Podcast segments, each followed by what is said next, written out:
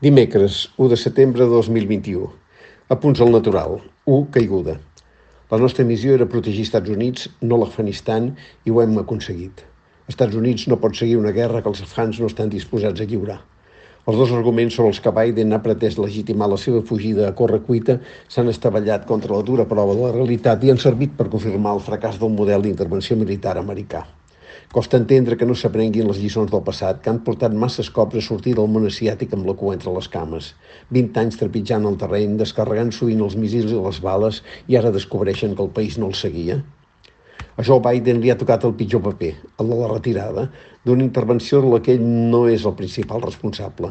De fet, al final ja l'havia signat el seu antecessor Trump i fou el president Bush Jr. qui, amb una reacció carregada pel ressentiment, va respondre amb doble guerra al desafiament del Qaeda d'anar a atemptar l'enviolada terra americana sense que els presidents que el van succeir modifiquessin el rumb.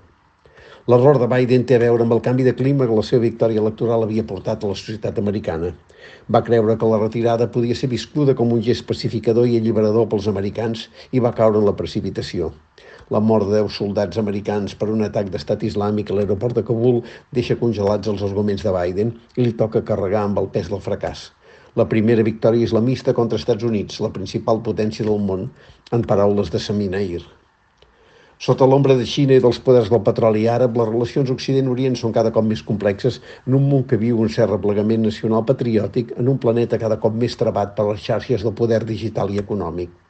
Si el segle XX ha estat el segle d'Amèrica, el segle XXI emergeix en busca de noves hegemonies en ple desenvolupament de les versions autoritàries del capitalisme, d'estat, el comunisme xinès com a estadi superior del capitalisme, i de famílies, les monarquies islàmiques del Golf. 2. Transicions. El fracàs americà interroga Europa. Emmanuel Macron busca una vegada més fer de pont, malgrat que no està clar que tingui la enginyeria suficient ni ell ni la Unió Europea. Per un cantó, busca mantenir el contacte amb el nou poder afgà, com amb altres forces de la regió, com ha explicitat en el seu desplaçament a Iraq amb tres condicions, que es deixi sortir qui ho vulgui, una línia roja amb el terrorisme i el respecte als drets humans i especialment als drets de les dones. Però per l'altra, en vigílies electorals d'una peixeta al lectorat conservador anunciant mides contra els fluxos migratoris irregulars que posarien en perill els que els emprenguin i alimentaria els traficants de totes menes. Qui fa la tria? El que no es pot permetre és que la tragèdia de les dones afganeses quedi oculta. Són elles les que ens han fet entendre la gravetat de la situació perquè, parafrasejant a Sis Notibum, és a través de les dones que entenem què és el món. La dimensió mediàtica i política d'aquesta crisi contrasta amb l'absència de conseqüències en l'àmbit econòmic. Les borses no s'han immutat, significatiu de l'escassa rellevància del desaprofitat territori afgà. Un expert em diu, això canviarà el dia que comenci la lluita pel liti, mineral de primera rellevància per les tecnologies avançades.